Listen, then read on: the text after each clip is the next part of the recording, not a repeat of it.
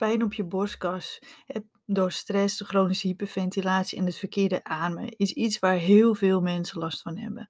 En de pijn op de borstkas, het drukkende gevoel, benauwd gevoel en dat is gewoon heel erg beangstigend. En we associëren de klachten op de borstkas eigenlijk altijd met iets heel ergs en engs, zoals bijvoorbeeld een hartaanval. De pijn op de borstkas bij stress en chronische hyperventilatie eigenlijk vaak spierkramp is, daar denken we niet aan hè, als, we, als we eenmaal in die cyclus van, van angst zitten.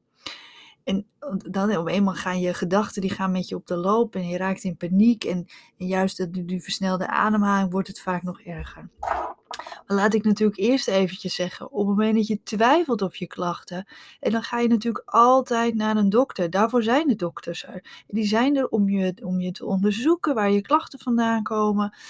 En wat je, uh, natuurlijk om je gerust te stellen. Dus ga altijd, als je altijd twijfelt, ga je altijd langs een dokter.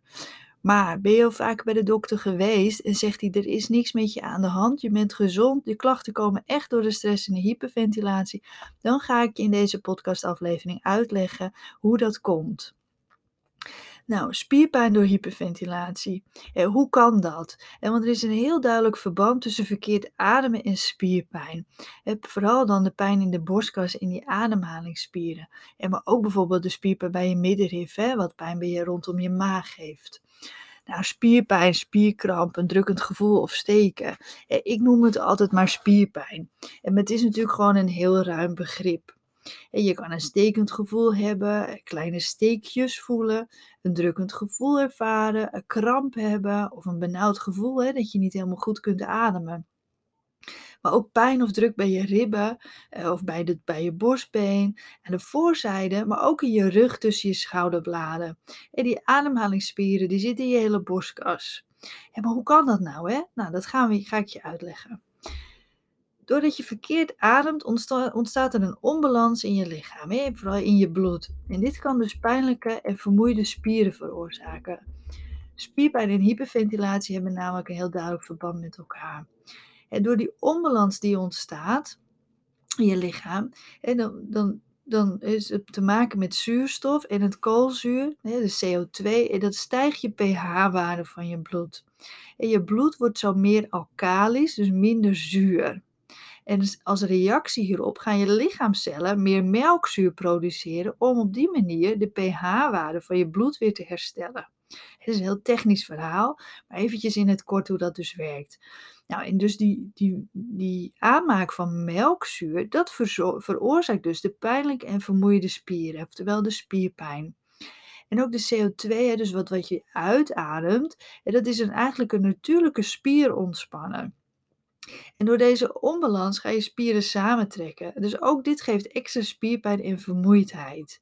En dat verklaart dus de spierpijn en het vermoeide gevoel. En vooral bijvoorbeeld ook in je benen. Ik heb het nu over je borstkas. Maar die spierpijn kan je je hele lichaam voelen. Vaak merk je het ook dat je van die moeie benen hebt. Waar je eigenlijk heel amper hebt gelopen. En je hebt het idee dat je een marathon hebt, hebt gelopen dus het heeft twee kanten. Dus doordat je lichaam eigenlijk dus meer melkzuur gaat produceren en verzuur je spieren. En, dan krijg je dus last van verzuurde spieren, dus van spierpijn. En maar ook omdat je dus dat, dat te veel uitademt, dat je te veel inademt, adem je ook weer te veel uit. En dat, wat je uitademt, dat is dus een natuurlijke spierontspannen. Dus dat raak je ook nog eens kwijt. Maar spierpijn bij chronische hyperventilatie, waarom heb je dan vooral last van die spieren in je borstkas, je middenrif, maar ook bijvoorbeeld in je nek en je schouders? Heel veel mensen die last van hyperventilatie hebben dus ook die pijn op die borstkas. In je nek, schouderspieren, pijn tussen je schouderbladen, last van kaakklemmen. Uh, ja, dus, dus eigenlijk dat hele gebied eh, eigenlijk je hele lichaam, maar vooral heb je vanaf eigenlijk je maag, dus de onderkant van je ribben, en tot aan je kaken. Dat, dat, dat hele stuk, dat kan gewoon heel erg gevoelig zijn. Nou, doordat je te vaak en te hoog ademt, en daarmee bedoel ik dus dat je in je borstkas ademt in plaats van in je buik, zijn deze spieren overbelast geraakt. En vergelijken dat je bijvoorbeeld ongetraind en heel in bent gaan wandelen, en heb je de volgende dag ook zere benen en voeten. Nou, jij overbelast je ademhalingsspieren door te hoog en te snel te ademen. En zo overbelast je dus ook je middenrif. En dat kan je voelen ter hoogte van je maag. Uh, maar ook dit tussen je ribben zitten hele kleine spiertjes. En dat zijn de zogenaamde tussenribspieren. Als je dus te hoog ademt en gebruik je die meer dan waarvoor ze bedoeld zijn, ja, dat geeft natuurlijk gewoon overbelastingsklachten en dus spierpijn. En deze spieren kunnen naast een continu beursgevoel ook heel venijnig steken en krampen. En die steken en krampen in je tussenribspieren, dat kan echt best wel heftig zijn hoor. Dus dat kan echt heel erg steken, dat je opeens zo'n steen net over een mes tussen je ribben gestoken wordt. En, uh, en dat kan je vaak een beetje voor jezelf testen. Als je beweegt, als dan die pijn erger wordt, dan weet je in ieder geval zeker dat het je spieren zijn die krampen. Door deze te hoge ademhaling trek je vaak ook onbedoeld zet je schouders omhoog. En nou, dus ook die spieren van je schouders, en die zitten weer vast aan je nek natuurlijk, die belast je daardoor ook veel meer dan waarvoor ze gebruikt en waarvoor ze bedoeld zijn. En dat heeft ook weer een directe invloed op je ademhaling, die opgetrokken schouders. Dus het is echt heel belangrijk om daaraan te werken, hè, om je schouders te leren ontspannen. Want test voor jezelf maar eventjes. Want, want til je schouders maar eens helemaal omhoog op. En dus je schouders naar je oren. En dan probeer je in te ademen. En weer uit. En dan doe je nou over ontspannen je schouders. Gewoon los en laag. En adem je weer in. En dan voel je dat je veel beter kunt ademen dan als je schouders opgetrokken hebt. Ik weet niet, maar de meeste mensen zitten heel vaak met opgetrokken schouders. Dus jij misschien ook wel. Dus probeer steeds eraan te denken dat je schouders wat laat ontspannen. Maar wat kan je er nou verder aan doen?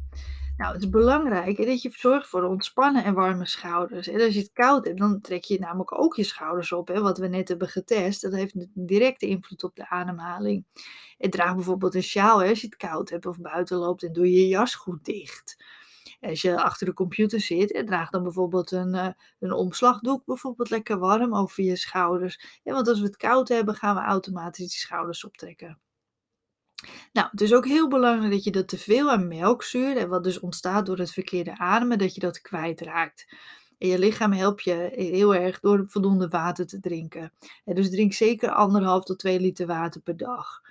Nou, daarnaast is het ook heel belangrijk om gezond te eten. Vooral veel groene groenten. En dat zorgt er ook voor eh, dat, dat melkzuur, eh, dat die verzuring uit je lichaam gaat. Dus goed drinken en gezond eten.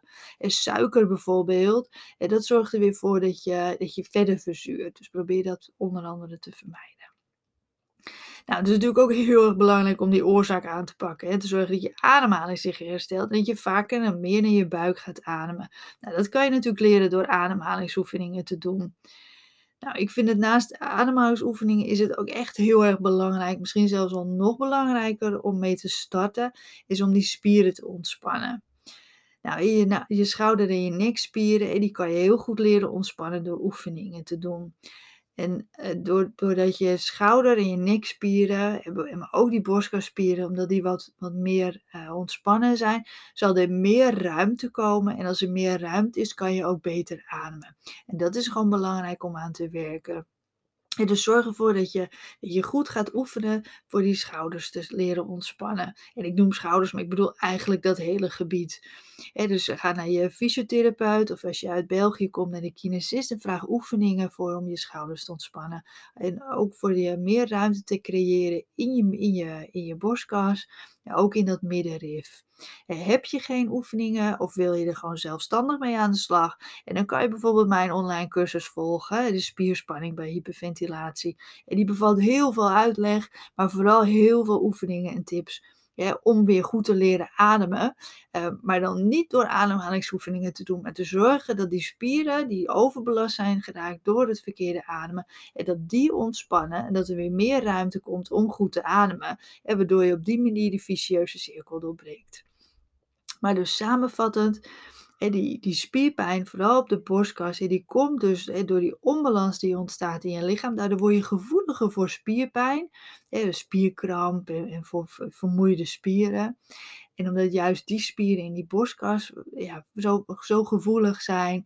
En nek en schouders en tussen je schouderbladen. En dat komt omdat je die spieren gewoon veel meer gebruikt dan waarvoor ze eigenlijk gemaakt zijn. Dus ze zijn overbelast geraakt. En dat kan je echt, dat kan je tijd, dat kan je eventjes voelen, dat kan je de hele dag voelen. En dat, dat is voor iedereen anders. Maar als je twijfelt, laat je het altijd onderzoeken bij de dokter. En laat die je geruststellen. En heb je die, eh, die geruststelling gekregen? Is er niks aan de hand? Komt het echt door de verkeerde ademhaling en de hyperventilatie? Ja, ga dan goed oefeningen dus oefenen. Dus ga starten met het doen van ademhalingsoefeningen, maar vooral ook oefeningen, ja, om die spieren te leren ontspannen. Nou, wil je hier meer over lezen? Dan kan het natuurlijk uitgebreid op mijn website, www.hyperventilatiecoach.nl. En, eh, of een van de andere afleveringen luisteren waar ik nog veel meer uitleg over wat hyperventilatie en stress allemaal met onze ademhaling en ons lichaam doet.